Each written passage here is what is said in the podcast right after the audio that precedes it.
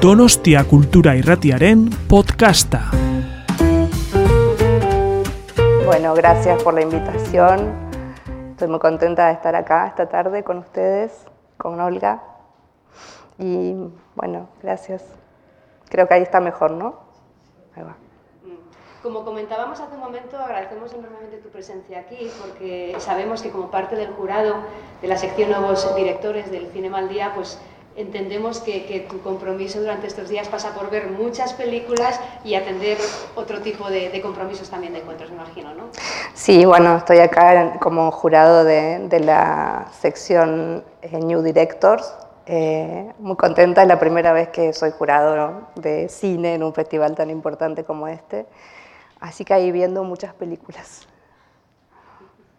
¿Cómo está viviendo la experiencia Selva Almada desde el otro lado? Porque si no recuerdo mal, el año pasado hubo aquí una, una película sí. en la que tú eh, participaste activamente en el Sí, el año pasado fue el estreno mundial acá de Jesús López, es una película de Maximiliano Schoenfeld y yo eh, colaboré en el guion de esa película. En ese momento no vinimos ninguno de los dos porque todavía era pandemia, todavía era bastante complicado. Eh, pero bueno, sí estuvo la película aquí y tuvo muy buena recepción también, así que... Y ahora, bueno, del otro lado, de, de la parte de ver películas y, y, ver cuál de esas se lleva el premio. Bueno, que es bastante difícil también y raro, ¿no? Estar como del... Eh, he sido ju, eh, jurado de, de, de concursos de novela, de cuentos, muchas veces, y, pero así todo siempre es un, lugar un poco difícil, ¿no? Porque es decir, bueno, esto me gusta, pero en realidad siempre es como una opinión muy personal. ¿Por qué te gusta una película? ¿Por qué te gusta un libro? Así que, por un lado, me parece divertido, porque aparte es esto, la posibilidad de ver un montón de películas que de otra manera probablemente no, no vería, en, porque probablemente ni siquiera llegan a los cines en Argentina. Pero bueno, también siempre me, me, da un poco de incomodidad decir yo estoy diciendo esta es la que va. eh, claro. Pero bueno, es... Responsabilidad. ¿no? Claro, mucha responsabilidad. Decir, bueno, ¿por qué elegimos esto? Así que ahí estamos todavía en el periodo de, de, de, de ver y de empezar a, a comentarlas con los compañeros del jurado. Todavía nos quedan varias, así que... Bueno, poco a poco. Sí.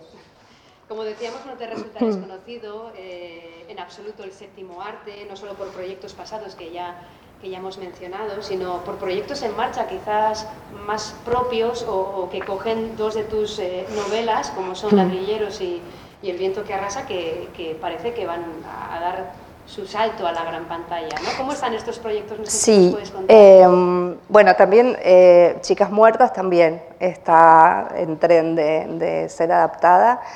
Eh, bueno, yo le contaba a Olga antes de, entrar que tomamos un café, charlamos un ratito, que yo siempre prefiero no participar de las adaptaciones de mis libros, eh, bueno, en este caso a cine, pero también del viento que arrasa. Hace unos años se hizo una, una ópera. eh, pero bueno, siempre prefiero como que, que, quede en manos del director o de, la, o de, la, directora y que ellos hagan su propia obra y su propio camino. Me resultaría muy difícil yo ponerme a, a adaptar un libro mío, a, a llevarlo a, a, ese otro lenguaje tan diferente que es el cine, eh, porque también siento que bueno, lo que yo tenía para escribir o para decir de ese universo está en el libro, ¿no? Y la verdad es que prefiero que, que sea otra persona quien lo lleve a, a ese otro lenguaje tan diferente. Y luego ver todo el resultado, ¿no? Claro, después ir a verlo como cualquier espectador. De hecho, pienso incluso que, que no sé, que casi que lo, hasta lo mejor que le puede pasar eh, a, un, a, un, libro es que la película traicione ese libro, ¿no? Como que, que realmente el director o la directora se apodere de ese bueno, de esos personajes, de ese universo, de, ese, de esa historia y la haga propia y incluso puede hacer otra cosa diferente a lo que está en el libro. Bueno, al igual que ocurre en algunas de tus novelas, eh, y si te parece, en esta conversación vamos a ir alternando las idas y las venidas, los saltos en el tiempo. Eh, y al hilo de esta comparación sí que me gustaría preguntarte en primer lugar por esa trama narrativa ¿no? de la que hablamos, que alterna el pasado y el presente. Esto es un recurso que, por ejemplo, podemos apreciar mucho en, en tu última novela, No es un río, eh, que, sueles utilizar, eh, no sé si habitualmente, pero es una de tus señas de mm, identidad. sí, sí, que, es un poco un recurso robado al cine, si vamos al caso, ¿no? Esto del flashback, de ir y venir en el tiempo.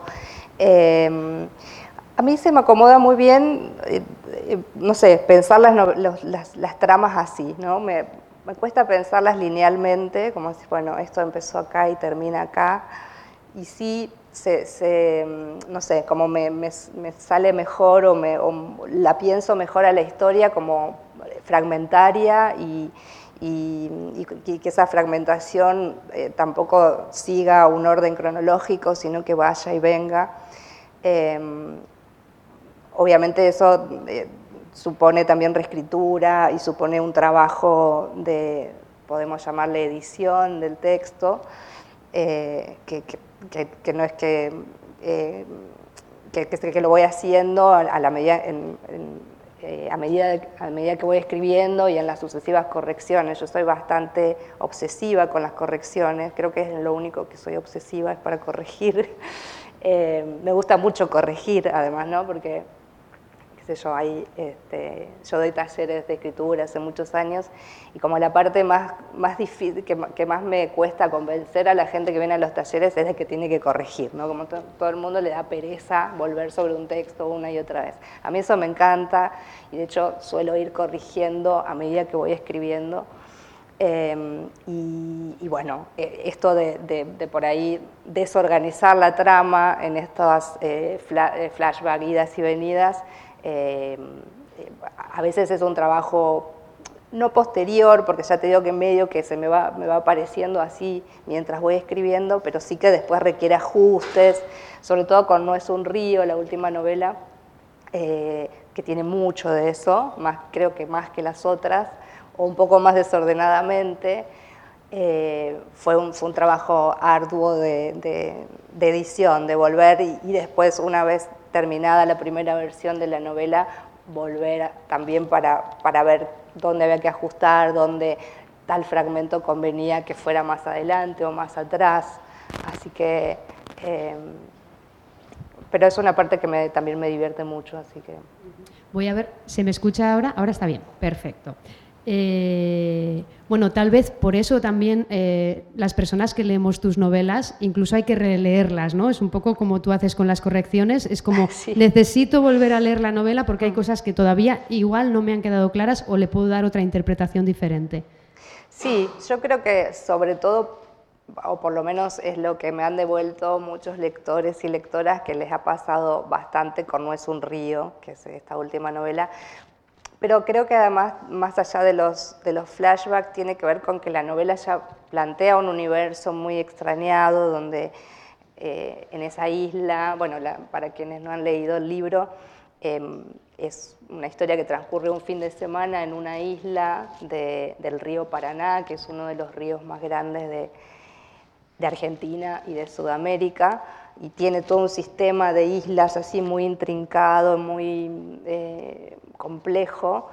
Y, la, historia está ambientada allí en un fin de semana donde un grupo de amigos va a pescar eh, y bueno, y tienen una serie de, complicaciones con los lugareños, con los isleños, los que viven allí todo el año.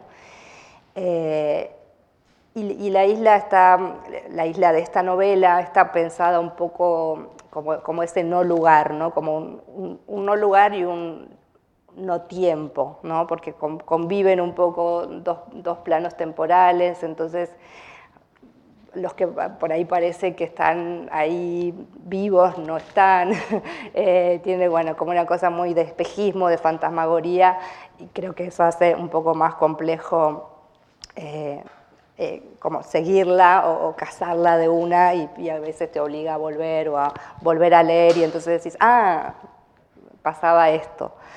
Eh, pero bueno, igual creo que, se puede, se deja leer, se deja leer.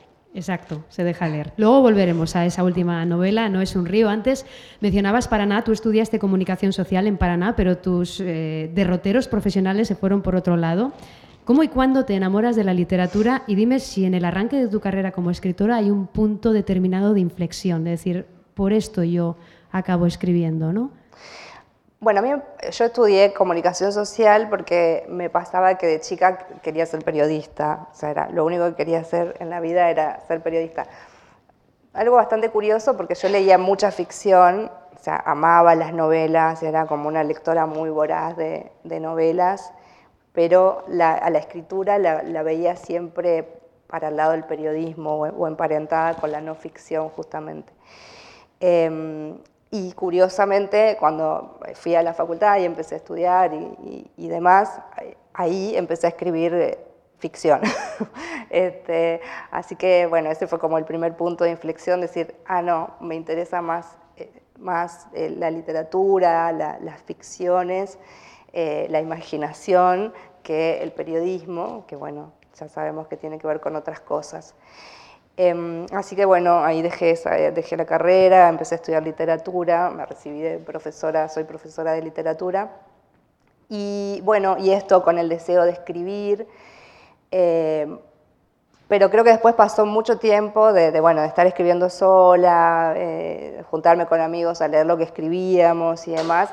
Y el, sí, el punto de inflexión creo que fue cuando me mudé a Buenos Aires y conocí allí a Alberto Laiseca, que fue mi maestro, eh, bueno, con quien trabajé 17 años hasta que él se murió. Eh, y ahí fue, sí, conocer a Laiseca, más allá de que no publiqué inmediatamente, pero sí fue como decir, bueno, llego, llegué a este lugar y quiero hacer de esto, que un poco lo hago porque me, o sea, me gusta, me entretiene, pero como le quiero dar una dirección eh, más comprometida, si querés, como quiero ser escritora, ¿no? Como decir quiero ser escritora. Y, bueno, y esto fue eh, a partir de, conocerlo a él y de empezar a trabajar con él. Bueno, de hecho, hasta 2012, corrígeme si me equivoco, eh, solo habías escrito cuentos y es entonces cuando llega tu primera novela, El, el viento que arrasa, que hasta ese momento te parecía un género inaccesible. ¿Esto es así? Sí, yo, o sea, em, eh, había empezado escribiendo narrativa, siempre escribí narrativa y lo de la poesía que mencionaste fue como un, paso así muy fugaz. Eh, pero siempre había escrito cuento, de hecho me encanta el género cuento, eh, que bueno, además como sabrán en Argentina es este, un, género muy visitado por bueno, grandes autores, ¿no? Cortázar, Borges, Silvino Campo.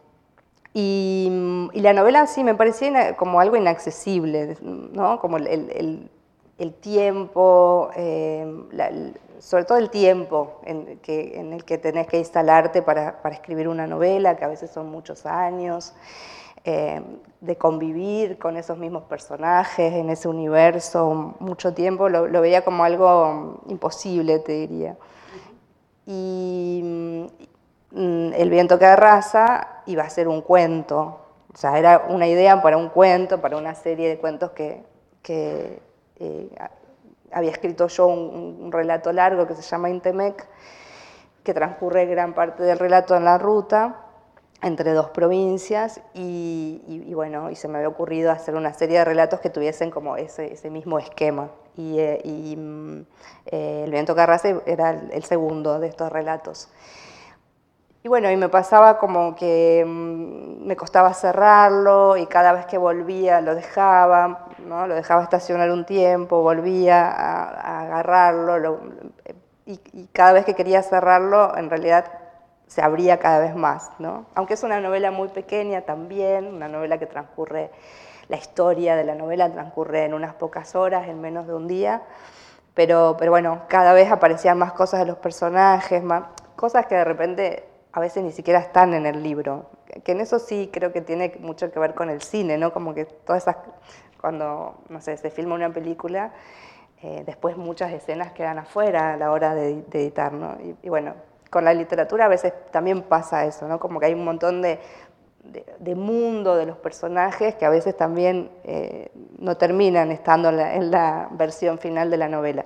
Pero bueno, me pasaba esto, que cada vez que volvía los personajes crecían o aparecían nuevas aristas de, la historia. Eh, eh, y bueno, y en un momento eh, lo hablé con, mi maestro y, le dije, no sé, tal vez sea una novela.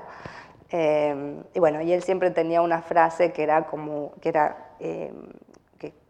cuando le planteamos las extensiones, porque no, esto es un cuento largo, es una novela corta, eh, puede ser un cuento si tiene tantas páginas, bueno, esas cosas que una me pregunta cuando, cuando está mm, en, un taller o empezando a escribir, y él siempre decía, no, no se preocupe, cada, cada, obra tiene la extensión que tiene que tener. Así que bueno, cuando yo le dije, ¿será una novela? Me dijo, bueno, tal vez sí, igual ya sabes, cada, este, cada obra tiene la extensión que tiene que tener, así que seguí escribiendo y se verá. Y, y bueno, y ahí me acuerdo que me hice unos, eh, con esos, los postis, no sé cómo les dicen acá, bueno, esos papelitos que se pegan.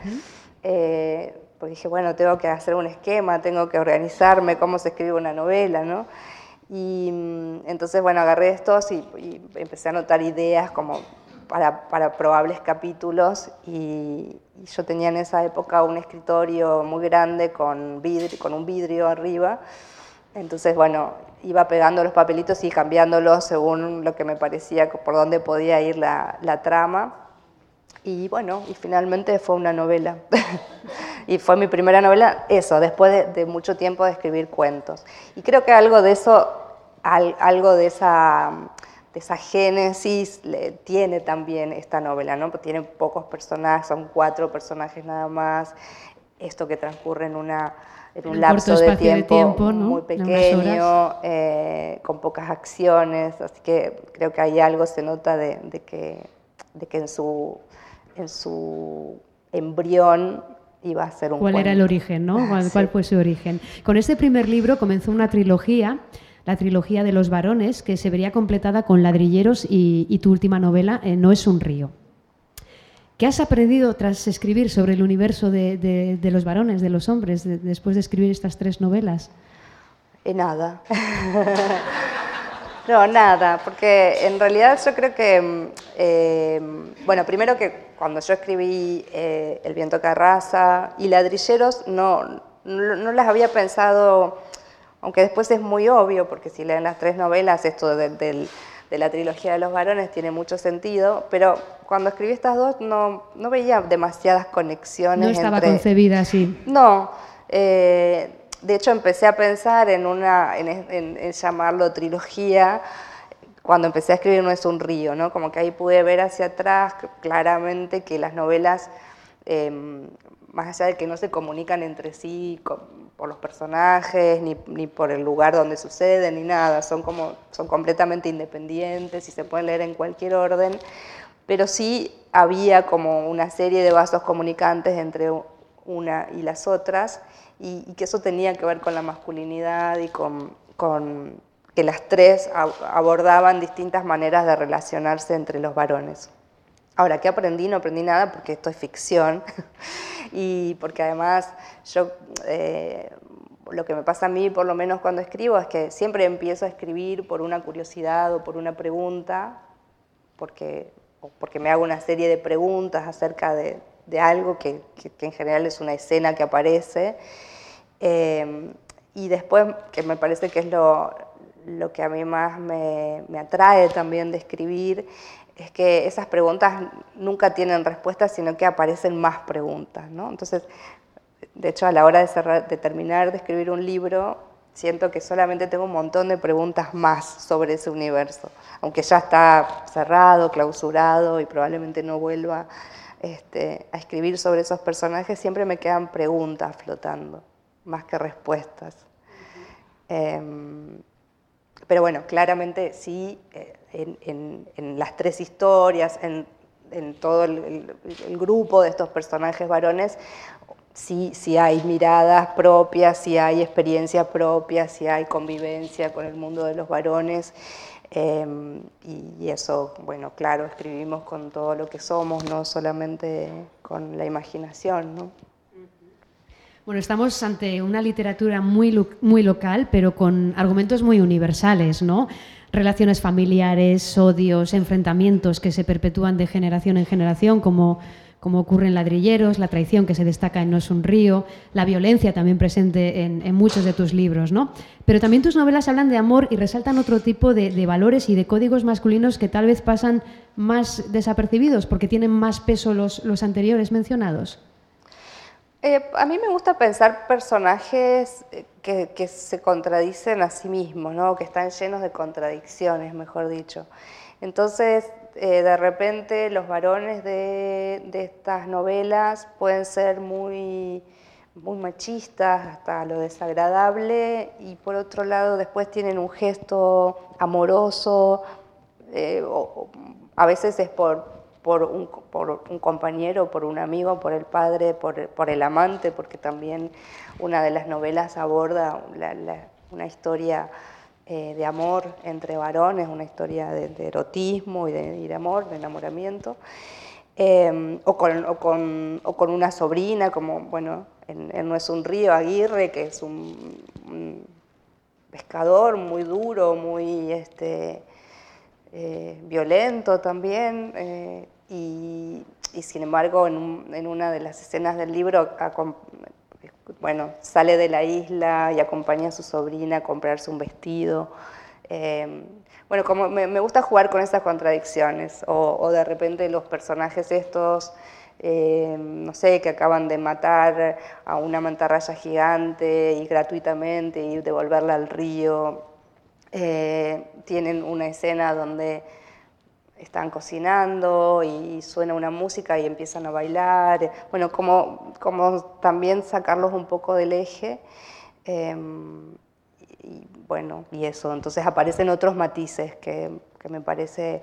También son personajes, en, en, general los de las tres novelas, eh, personajes aparentemente simples, en el sentido de que bueno, no, hay escritores en mis novelas, no hay, no hay intelectuales, eh, son personas del trabajo duro, ¿no? de, eh, bueno, ladrilleros o gente que fabrica ladrillos y que no sé cómo será acá, pero en Argentina es un, oficio de gente muy pobre, eh, que se paga muy mal y que vive en condiciones de, de eso, sí, muy austeras y de eh, y, quizá de poca educación o de poco acceso a la educación. Em, y, pero son personajes al mismo tiempo con vidas interiores muy, muy complejas y a veces muy atormentadas y a veces no, no atormentadas, pero sí complejas. Son novelas que retratan un mundo de hombres en la Argentina de provincias, tú lo comentabas, Selva, y he leído mientras me documentaba que solo pudiste escribirlas cuando te alejaste de tu localidad natal para ir a vivir a, Buenos Aires. Corrígeme si me equivoco. ¿eh? Sí, o sea, curiosamente, eh, pero bueno, claro, es que la mayor parte de lo que he escrito lo escribí ya viviendo en Buenos Aires. No sé si aquí en este em, caso el, origen pesa o no tiene nada que ver, ¿eh? el, hecho de haberte tenido que separar. Yo, sí, yo creo que sí. O sea, no sé si Digo, quizás si me hubiese quedado viviendo en Entre Ríos también hubiese escrito estas novelas, no lo sé. Pero sí sé que, em, que, sí, que al alejarme, que al tomar distancia, empecé a ver... Em, me pasó con, uno de los primeros libros que publiqué, que se llama Una chica de provincia, que son relatos autobiográficos, entonces con la excusa de la, autobiografía o de la autoficción, como volví a, reencontrarme con personajes o con situaciones de, mi vida en, el pueblo.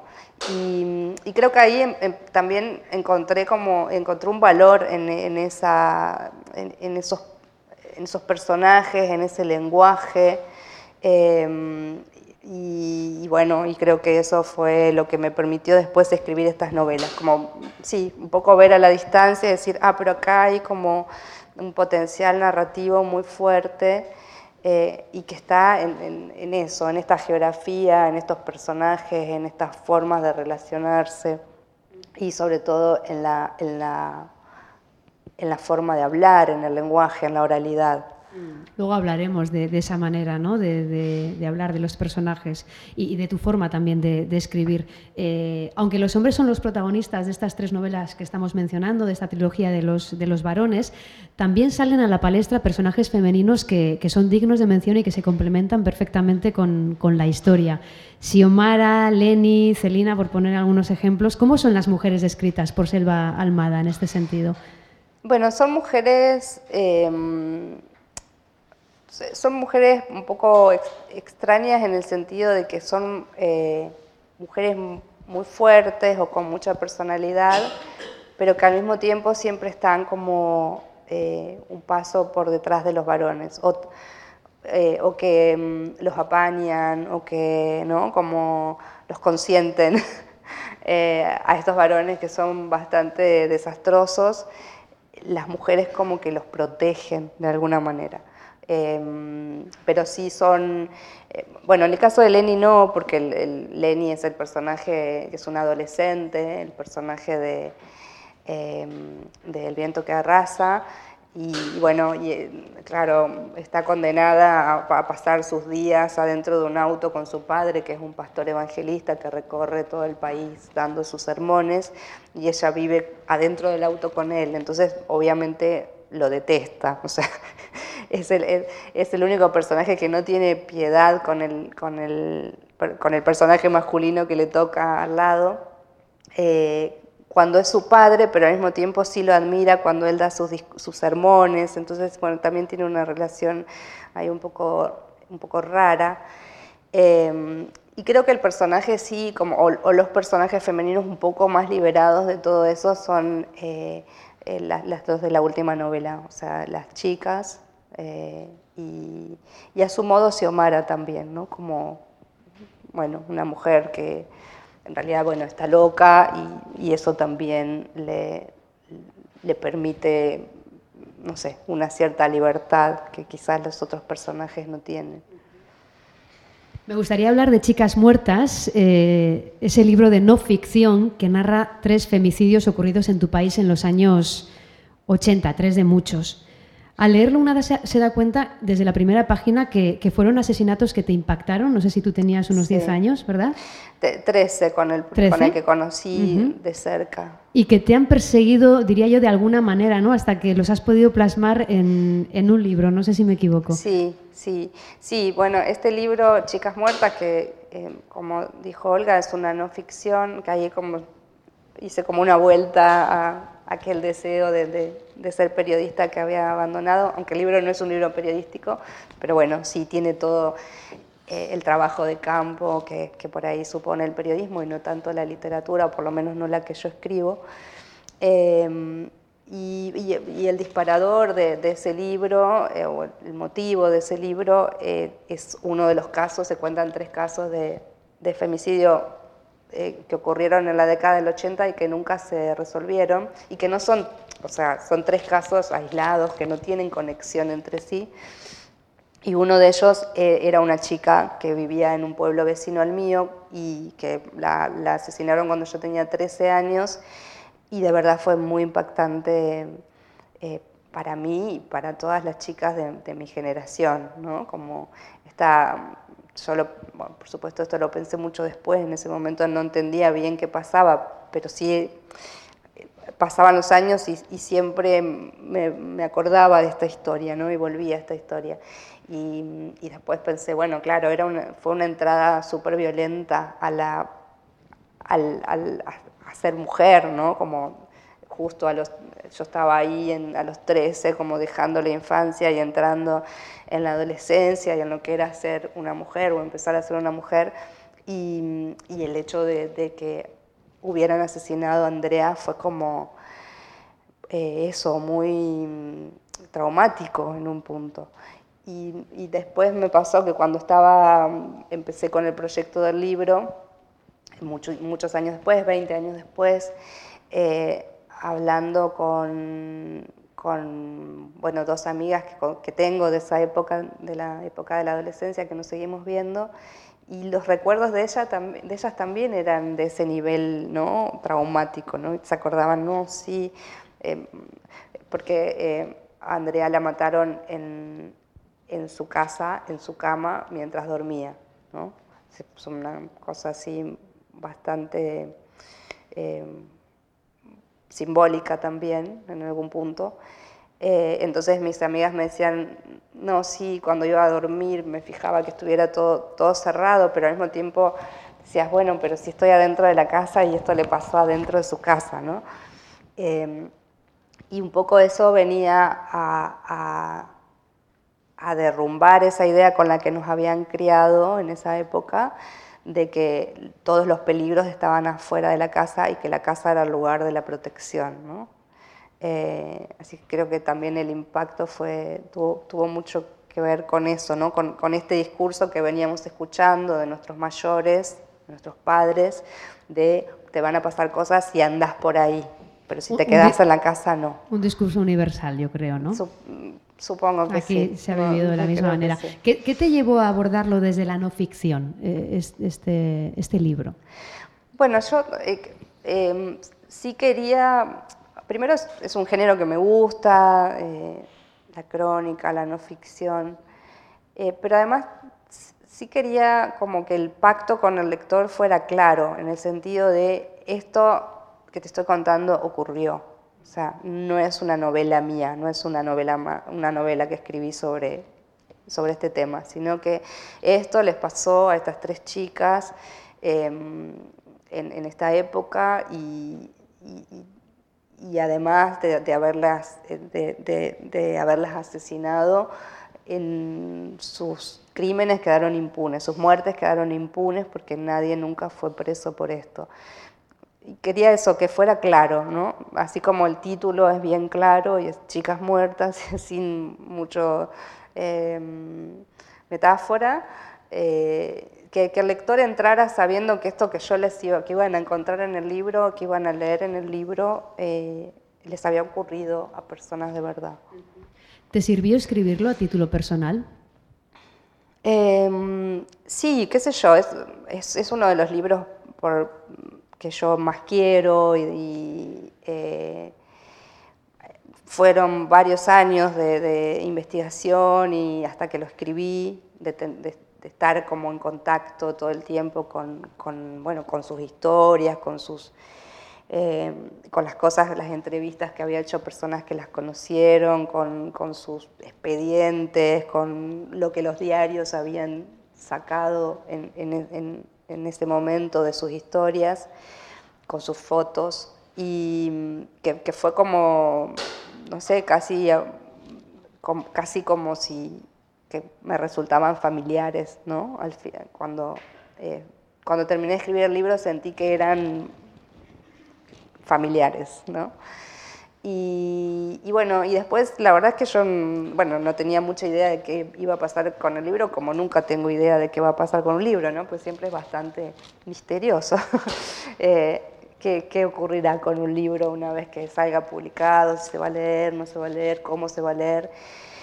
Y, y bueno, y también es un libro que, que, obviamente, o sea, que no es que lo pensé, tan, cuando aparecen también libros o ideas para los libros o, o una empieza a escribir un libro, siempre me parece que haya, no sé, como si fuera hubiera una electricidad en el aire y muchas personas estamos pensando lo mismo o, circulando por, por, reflexiones parecidas o lugares parecidos.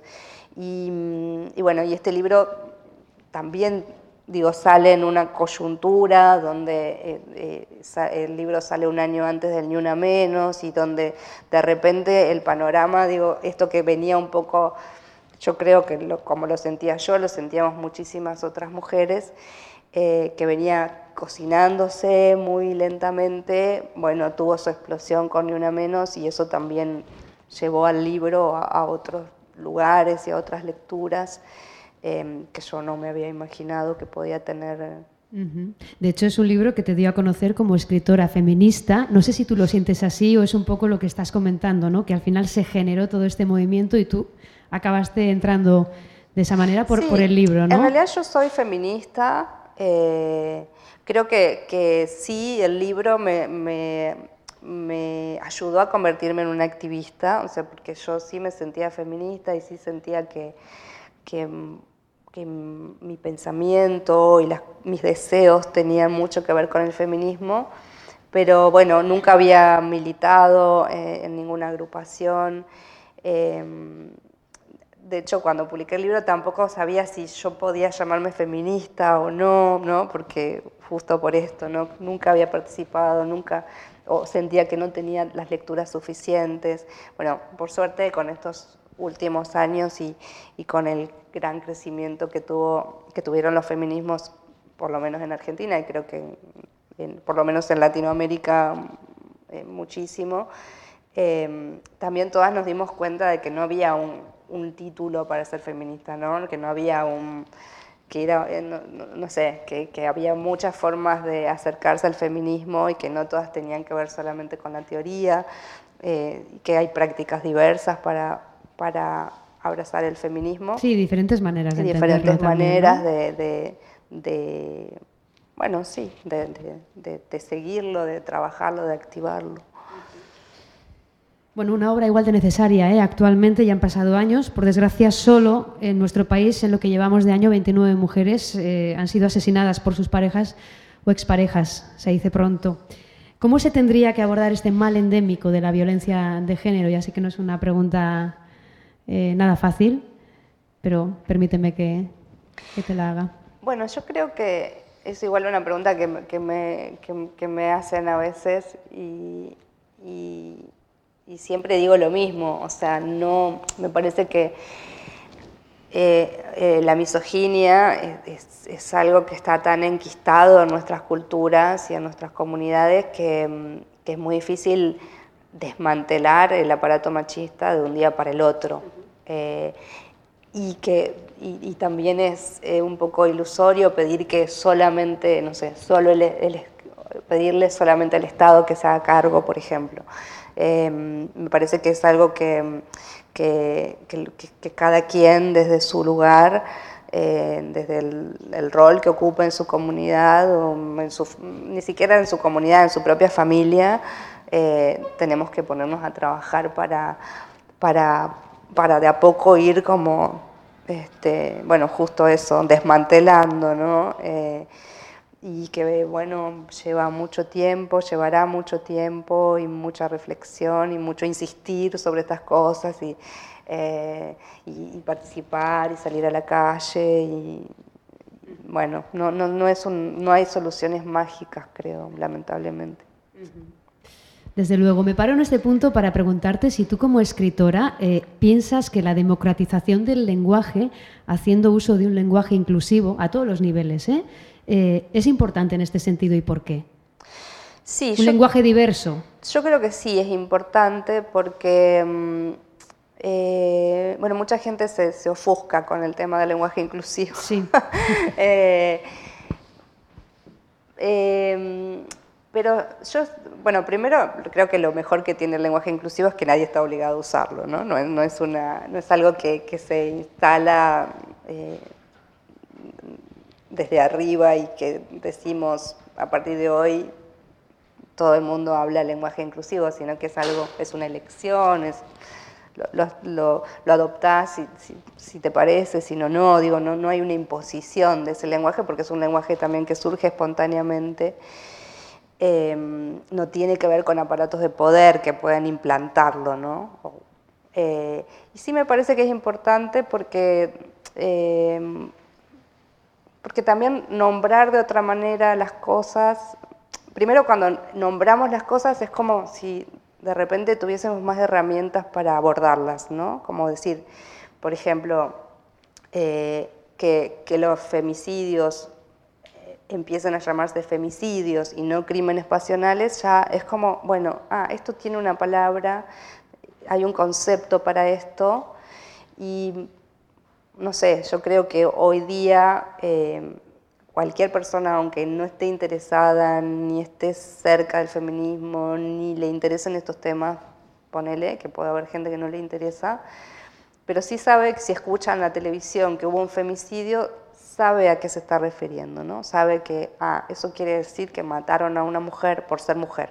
Entonces, por eso sí es importante el lenguaje, ¿no? Como el lenguaje baja algunas cosas y es, extraño porque el lenguaje es algo intangible, pero de alguna manera es como tiene que, mucho poder el lenguaje. como que le pone un peso, ¿no? Como si, si convirtiera en sólido algo y dijera, bueno, es esto.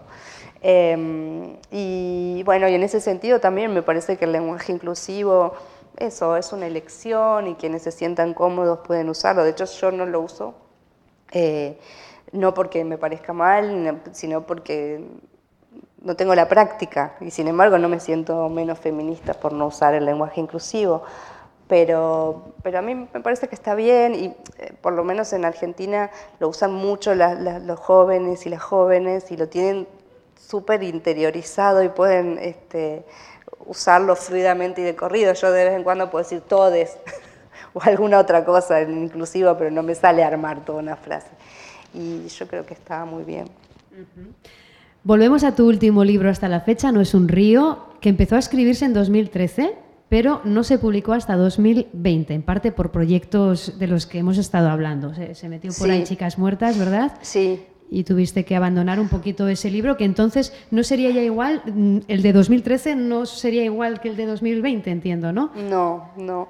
No, yo empecé a escribir No es un río, sí, eh, cuando publiqué Ladrilleros, lo publiqué en Argentina en el 2013 y más o menos ahí apareció esta primera escena, que es la, con la que abre la novela, que es la pesca de la mantarraya gigante y mm, que apareció porque lo escuché en una conversación. cuéntanos eso, es verdad, porque es, es, importante, ¿no? ¿Cómo arranca esa escritura? ¿Cuál es ese, ese, punto de inspiración ¿no? que, que, te lleva? Sí, que yo em, soy mucho de escuchar.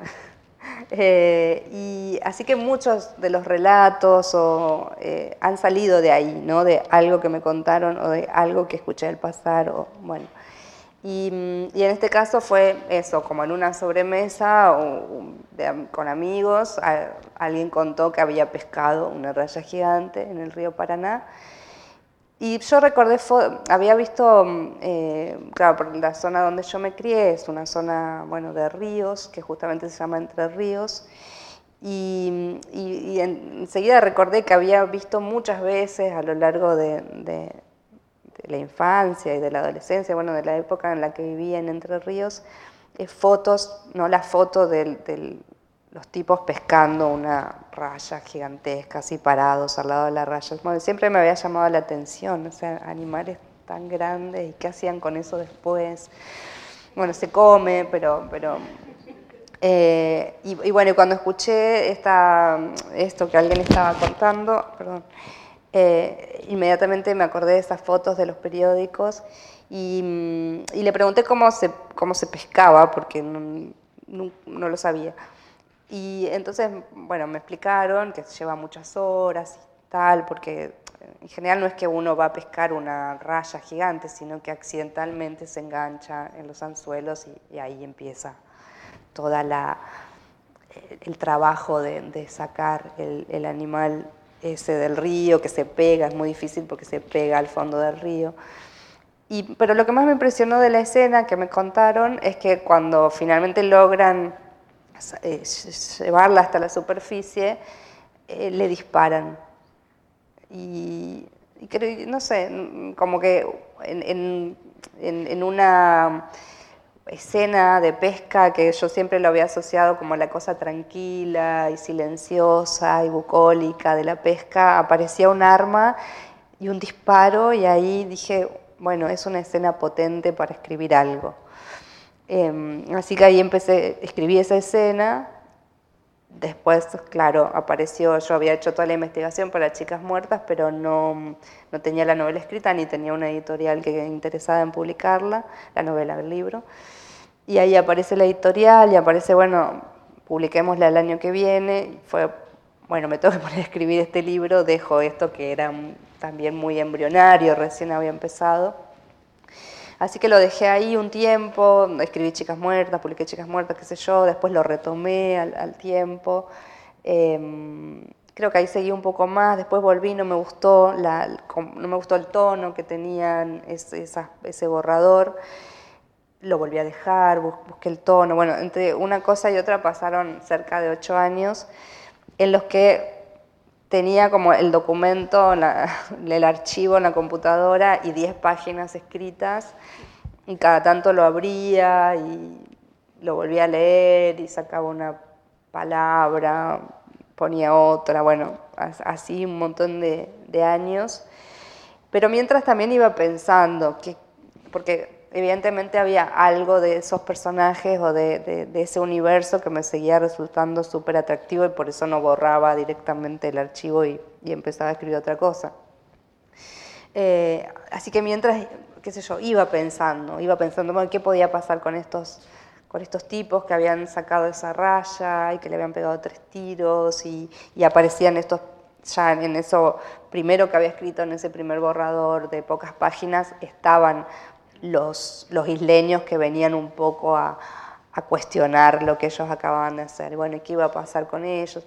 Bueno, y, así, como que los libros también, no es que los tenés, eh, yo no hago esquemas ni nada, excepto esa vez que hice para El viento Carraza, después escribo muy al, al tuntún, ¿no? Como empiezo y voy viendo para dónde va pero al mismo tiempo es como que siempre estás pensando, como que hay algo acá atrás de la conciencia que sigue pensando eh, en esa, en bueno, otra vez voy a usar la palabra universo, pero es eso, en ese universo que se está como armando ahí.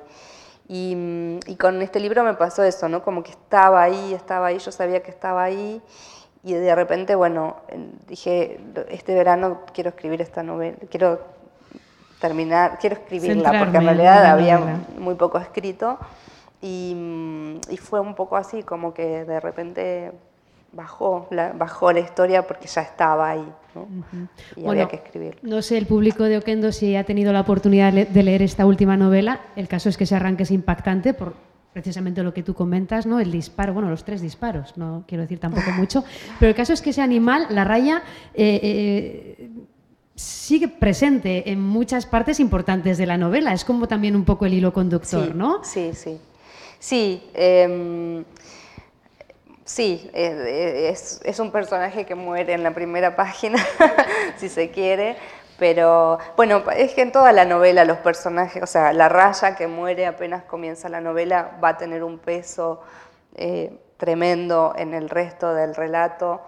Eh, el amigo, hay un, estos que van a pescar son dos hombres de 50 y pico de años o 50 años y, un adolescente que es el hijo de un amigo muerto. Entonces ese amigo que muere mucho antes de que, de que empiece la novela eh, también va a estar presente dando vueltas porque hay una cosa ahí no resuelta entre los que quedaron vivos y el que se murió. Em, a eso un poco me refería cuando decía como que la fantasmagoría que había en la, isla, eh, o la isla como un lugar fantasmagórico, porque eso, hay como muchas almas en pena dando vueltas ahí. Y la de la raya es una de ellas. Lo que también está omnipresente es el paso del tiempo, al menos a mi parecer, no solo esa manera de combinar pasado y presente de la que estamos hablando, esa narrativa, sino también por referencias a un pasado eh, mejor que ya no está. ¿no? El personaje es más joven, sin menos barriga, más lozano, ella tiene eh, canas que antes no tenía. Eh, esto también está presente en la novela, ¿no? El, el, paso del tiempo. ¿Cómo lo viven los personajes, quiero decir? Sí, sí, sí, porque ya son, claro, personajes que han, recorrido un cierto camino en la vida y mm, sí, no sé si los personajes son melancólicos de aquello que han perdido, pero sí creo que en la novela hay un poco de melancolía em, que creo que también tiene que ver con el ambiente donde transcurre la novela, ¿no? Como eh, también el río, ¿no? Como el río de los muertos, el río de, como esta cosa que se lleva a la corriente, como fluir también del tiempo. Em, y sí, aparece, aparece también la, la, pérdida de la juventud como tópico. Lo que es común a todas tus obras es la utilización de una prosa que da cuenta de un entendimiento profundo de la condición humana, del amor, la tristeza, la rabia muchas veces, eh, ¿Esto es un don o es trabajo, trabajo, trabajo? Eh, ¿cómo, consigues eh, plasmarlo de esta manera en, tus novelas? yo, creo, em, yo creo que para escribir una tiene que tener, a ver, no para escribir, sino, o sea, cómo pienso yo la escritura, a la escritura la pienso como la capacidad o la posibilidad de, poder ponerse en los zapatos de alguien que nunca vas a ser, que no fuiste ni vas a ser. Y, eso creo que tiene todo que ver con la comprensión, ¿no? Como em, en la vida, digamos, en la vida cotidiana, si uno se puede poner en los zapatos de otro, quiere decir que puede comprender a ese otro que no soy yo, que no seré yo. Y, con la escritura me parece lo mismo, entonces eh, creo que eh, lo que decís humanidad o, sí tiene que ver con, la comprensión, ¿no? como comprender incluso a personajes que pueden resultar odiosos y detestables, pero comprender, comprenderlos en su intimidad, ¿no?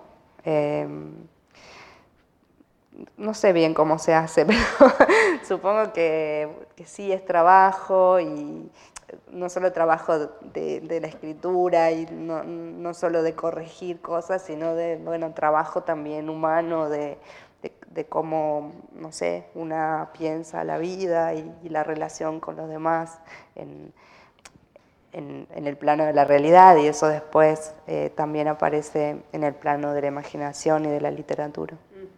Otro de tus puntos fuertes es la experiencia profunda, poética y, casi tangible que haces de, los paisajes. Eh, no sé si, piensas tú que esta es una de tus señas de identidad. Yo, creo que sí, pero tú como escritora, ¿cómo, lo sientes? Sí, para mí el paisaje eh, y el paisaje en, las novelas, en los relatos, eh, yo siempre lo pienso como si fuera otro personaje, ¿no? No, no, no es solamente el marco o el escenario donde transcurren las, escenas o, la vida de esos personajes, sino como el paisaje como otro personaje que interactúa con los personajes humanos, que está presente en sus vidas, que, em, que, bueno, que estos personajes humanos los, los, sienten sobre, no sé, sobre sus hombros o sobre su cabeza.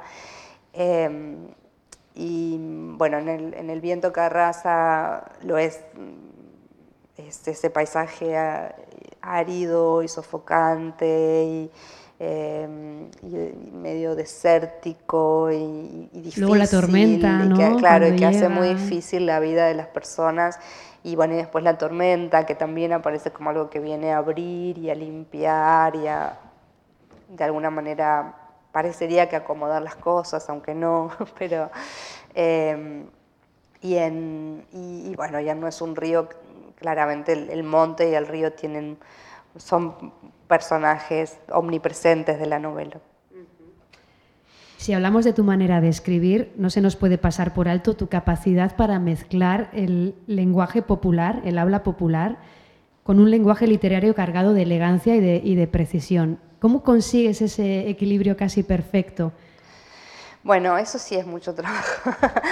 Eh, no, por un, o sea, por un lado me pasa esto de que mm, eh, me gusta, bueno, esto que me gusta más escuchar que observar, ¿no? Eh, y tengo mucha memoria auditiva, si querés. Y, mm, y, creo que esto también me pasó un poco cuando escribía estos cuentos autobiográficos que les conté hace un rato, ¿no? Que entonces aparece el paisaje de la infancia, pero también aparece la lengua de la infancia y ahí, no sé, me di cuenta que había una poética, una música que, que, la traía el lenguaje oral cuando yo lo incorporaba a la escritura y, que me resultaba muy sugerente y interesante seguir explorándolo. Y bueno, en, no, no en El viento que no, porque es un lenguaje un poco más formal, si se quiere, o más literario, bueno, literario no, pero más formal quizá, o más eh, económico, pero sí que en ladrilleros y, en, y, especialmente en, No es un río lo trabajé eh, con, mucha, con mucho empeño. ¿Dónde busca la inspiración Selva Almada? No, bueno, a mí me pasa esto, ¿no? Que no, es que busco la inspiración, sino que de repente aparecen cosas que, ¿no? Como lo que conté hace un rato de, de, esta anécdota escuchada en una sobremesa, ¿no? Aparecen de repente cosas que me llaman la atención digo, bueno, ahí hay algo, quiero ir a ver qué hay, como tirar del hilo y ver qué aparece. La muerte es un tema recurrente en muchas de, tus novelas y, de tus relatos. Eh, ¿Te sirve hablar de la, muerte? Em, bueno, eso sí, es un tema recurrente, a mí me atrae mucho em, y creo que es un tema de la literatura universal, ¿no? bueno, desde las tragedias para acá, la muerte está siempre presente em, en la literatura sí me, eh, me sirve, o, por ejemplo sentí sí, eh, con, la última novela que ahí sí me sirvió, en me sirvió, sino que apareció como una idea de la muerte que yo no tenía y que me pareció eh, linda, como en, un momento, cuando recuerdan a este amigo que se ahogó, bueno, cuando lo rescatan, cuando rescatan el cuerpo, dice el, narrador, dice, eh, bueno, tenía los ojos muy abiertos, eh, que es lo que pasa con los ahogados, ¿no? con los ojos salidos de las órbitas, los ojos muy abiertos, eh, como, como si antes de morir hubiese visto algo demasiado grande e imposible de abarcar con la mirada, algo así dice. Y, entonces se pregunta, ¿algo, eh, ¿algo inmenso? Sí, pero demasiado horroroso o tal vez algo demasiado hermoso. Y eso ya es como una, es una afirmación. lo de horroroso es una pregunta y lo otro es una especie de afirmación, ¿no? O tal vez algo demasiado hermoso. De ahí apareció eso que yo fue inesperado para mí también, como que apareciera una idea un poco más luminosa de la muerte como la, muerte como un misterio, pero no como un misterio horrible, sino como algo a, descubrir. Em, igual no, sé si lo, si, si, lo tengo tan claro para mi vida, pero, pero quiero decir, bueno, eso como escribir sobre la muerte también a veces te revela pequeñas cositas que pueden ser un poco más tranquilizadoras. Como hemos comentado al comienzo, en breve daremos la oportunidad a la gente que hoy nos acompaña en Oquendo de que haga su pregunta a Selva Almada, pero, pero antes eh, yo te quería preguntar si te sientes más cómoda en la novela, en la poesía o en relatos cortos, que también es un género que, has explorado mucho, por ejemplo, con El desapego es una manera de querernos, entre otros. A ver, a mí me gusta escribir narrativa, o sea, la poesía me encanta y me encanta, soy lectora de poesía pero no me siento escritora de poesía, siento que no sería una buena poeta y mm, así que por eso hice como estos ensayos mínimos eh, y, después dejé de intentarlo, em, pero sí me gusta mucho leer poesía. Y, mm, la narrativa me gusta como en, o sea, a mí me interesa más una escritura híbrida que cuento, novela, eh, no sé, no ficción, ficción sino como que cada vez me interesa más la cosa que se mezcla más, que no sabes muy bien de dónde, de dónde sale.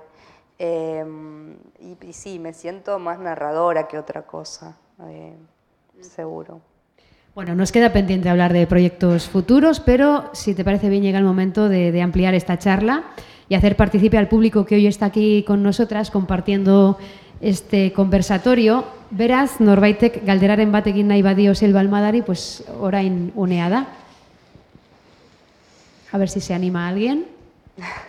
Es el momento en que nadie quiere hablar. Suele pasar. Pero si no preguntas, después dicen, no, no, no nos dejaron preguntar. Claro, si no invitas. Venga, aquí hay una persona que quiere preguntar. Ichoin.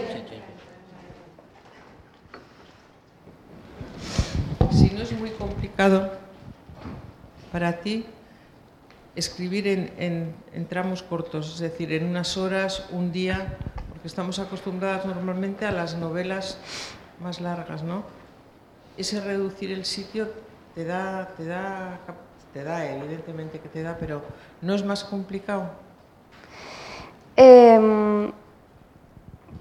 Y no sé, eh, porque más allá de que, digamos, la, unidad de tiempo de la novela, de las sobre todo no es un río, de, el viento carraza es muy breve, o sea, dos días, un día en un, un caso, dos días en la otra, sí aparece como mucho esto que decíamos al principio del flashback. Entonces, bueno, de alguna manera eso eh, permite hacer como, no sé, una historia de los personajes o, o de cómo llegaron ahí, pero, pero bueno, mucho más breve que, que si, si lo, lo, desarrollara quizá cronológicamente contando... Eh, a mí, me, no, no sé si me resulta bueno, de hecho nunca escribí una novela larga. Sí me, sí me manejo mejor en la brevedad. Eh, pero creo que también porque mm, eh, también me gusta como sentarme y. Quizás es como un... Eh, algo que me quedó de, cuando solamente escribía cuentos, ¿no? Como que hay una, no sé si urgencia, pero sí de, de sentarme y, sentir que puedo abarcar ese trabajo en un espacio de tiempo eh, mío, ¿no? real, eh, también breve, como, digo, más allá de que no es un río, estuve ocho años hasta terminar de escribirla, pero no es que estuve ocho años escribiéndola, o sí, pero no sentada en la computadora, ¿no? sino que, bueno, sí, porque estaba, seguía revoloteando ahí esa historia, pero después, bueno, la escribí en un verano, dos meses, y... Cuando te sientas a escribir, un, un, en un periodo corto de tiempo la novela, cuando la novela transcurre, ¿tú sabes el principio y el final de esa novela o no? no siempre. Eh, bueno, en El viento que arrasa, por ejemplo, en, la, en la, una primera versión tenía un final al que me había costado mucho llegar. Eh, y después cuando bueno, le empecé a mostrar en algunas editoriales y cuando finalmente una editorial me dijo que sí la iba a publicar, eh, y tuve que hacerla, volví a revisarla porque habían pasado dos años más o menos desde que la había terminado y ahí decidí cambiar el final, o sea, tenía un final y después tuvo otro. Y la, segunda, la siguiente, que fue Ladrilleros, como por el, lo, lo, que me había preocupado, no tener un final o no llegar a un final, dije, bueno, esta novela va a empezar por el final y de hecho empieza por el final y después, bueno, se va contando cómo llegaron ahí los personajes.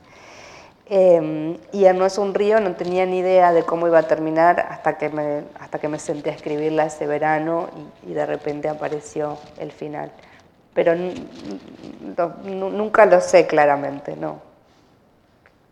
O casi nunca. Bueno, es que ricasco.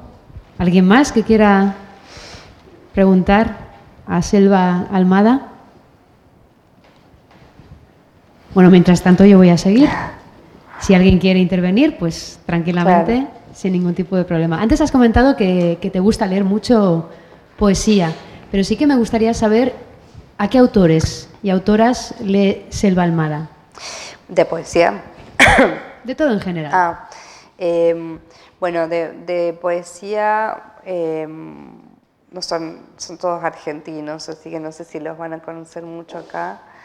Eh, pero bueno, uno de, sobre todo uno que me aparecía mucho mientras escribía la novela, porque es nuestro poeta del río, es Juan L. Ortiz, eh, que bueno, es el poeta para mí el más importante de Argentina, murió hace muchísimos años y era de mi, de mi, mismo, eh, de mi misma provincia. Bueno, Juan L. Ortiz, Estela Figueroa es una poeta que yo adoro, eh, murió hace un mes, una gran poeta. Eh, y después eh, narrativa, o sea, bueno, voy un poco así hacia atrás, o sea, o autores que yo siento como referentes o como cercanos a, a lo que yo hago. Eh, bueno, Horacio Quiroga, que supongo que acá sí lo conocen. Daniel Moyano, que también vivió y murió acá en, en, en, Bilbao, no, en Bilbao, no, en, perdón, en Asturias, eh, estuvo exiliado, vino durante la dictadura y se quedó y murió, murió allí. Eh, Sara Gallardo, que es, es, una escritora argentina que, bueno, que fue muy, muy leída en, en su época, en los años 60, 70, murió en los 80 y como que hubo un, hasta ahora, que hasta hace pocos años que empezó a reeditarse su obra y, a, redescubrirse y, y, a, leerse de nuevo, estuvo como mucho tiempo, bueno, como desaparecida, desaparecida de las lecturas y de las conversaciones, ¿no? Eh, y Sara Gallardo es una autora que admiro muchísimo. Eh, y bueno, Flannery O'Connor, las, norteamericanas, Flannery O'Connor, Carson McCullers, eh, William Faulkner, los norteamericanos del sur me gustan mucho, Caldwell canta. Y bueno, y después siempre estoy leyendo como a mis contemporáneas, sobre todo en, Argentina hay una literatura ahora hecha por mujeres, escrita por mujeres, eh, muy potente. Estos últimos años hay unas escritoras buenísimas, muy brillantes, como, bueno, Mariana Enrique la, probablemente la conocen, eh, Gabriela Cabezón Cámara, Samantha Schweblin. Em, y muchas otras más. Y así que también leo mucho eh, a, mis contemporáneas y a algunos contemporáneos también. Hernán Roncino es un autor que me gusta mucho también. Estás muy especializada en un tipo de literatura, la llamada literatura rural. No sé si te planteas el hecho de poder navegar por, otros estilos o, o, no lo verías. Sí, o sea, digo, hasta ahora cada vez que aparecen ideas para escribir tienen que ver con, con, el, universo de, lo rural o de lo que está fuera de las grandes ciudades. Pero, pero si apareciera algo, no, no es que... En alguna conversación, ¿no? Por, ahí en una conversación. No, digo, si, apareciera en algún momento, no es que no voy a escribir nunca algo que se ambiente en la, ciudad o en Buenos Aires. Digo, hasta ahora las cosas que, me han interesado, que me han llamado la atención, siguen teniendo que ver con estos lugares como lejos de las grandes ciudades, pero bueno, si aparece, aparecerá y, digo, no es que voy a dejarlo por, porque, no, porque no es rural, ¿no? Bueno, antes de despedirnos, Selva, ¿cuáles son tus próximos proyectos a corto o medio plazo? Que era una pregunta que habíamos dejado eh, un poquito ahí en la retaguardia? Em, Después de esta trilogía de, los varones, ¿no? Que, cierra un ciclo, desde luego, ¿no? Sí, eh, supongo que sí. La verdad es que no estoy escribiendo, así que no, no estoy ahora como en ningún, en ningún proyecto. Em, tengo como varias ideas de cosas, pero más relacionadas a la no ficción, pero nada todavía que haya, en lo que haya avanzado. Pero pero sí me interesaba, que justo tiene, tiene que ver con la ciudad, porque sí me, una de las cosas que me interesa, me interesaría abordar un poco y meterme, pero requiere un poco de investigación, y em, es em, algo en relación con la vejez y las mujeres. Em, concretamente hay un lugar cerca de mi casa que, bueno, es una institución pero mm, donde viven mujeres solas, pero de manera independiente y autónoma, ¿no? O sea, no es un geriátrico, no es un asilo, sino como es una especie de hotel donde viven este, mujeres, eh, cada una tiene su habitación, con su baño, su cocina, y vive a su aire.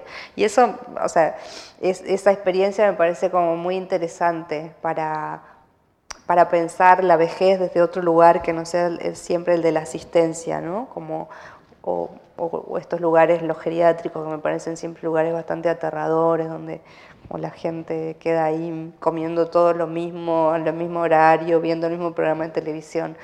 Y, bueno, y este lugar me parece interesante para pensar eso, ¿no? Como para pensar otras, otras posibilidades de, no sé, de sacar también a la vejez de ese lugar donde lo tenemos en, en nuestras sociedades, ¿no? Como ese depósito de gente que no sirve para nada, ¿no? Sino pensar, sí, eso, como pensar eh, la vejez desde otro lugar.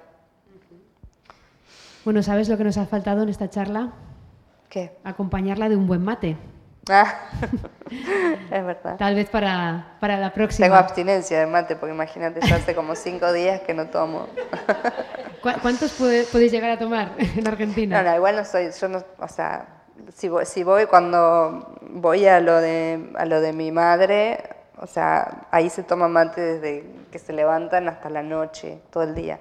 Yo tomo solo a la mañana y ya. Bueno.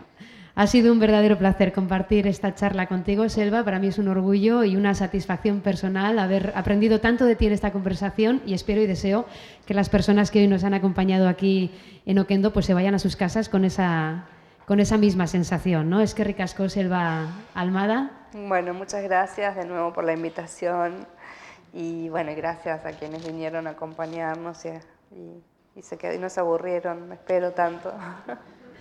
Estoy segura de que no. Gogoratu gaur okendon, selba almadaren liburuaren salmenta dugula eta idazleak bere liburua no es un río sinatuko duela topake, topeketa hau amaitutakoan.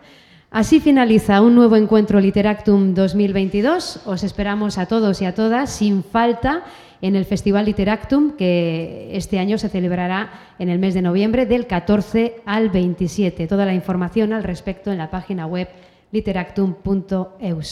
Urrengor arte, eskerrik asko.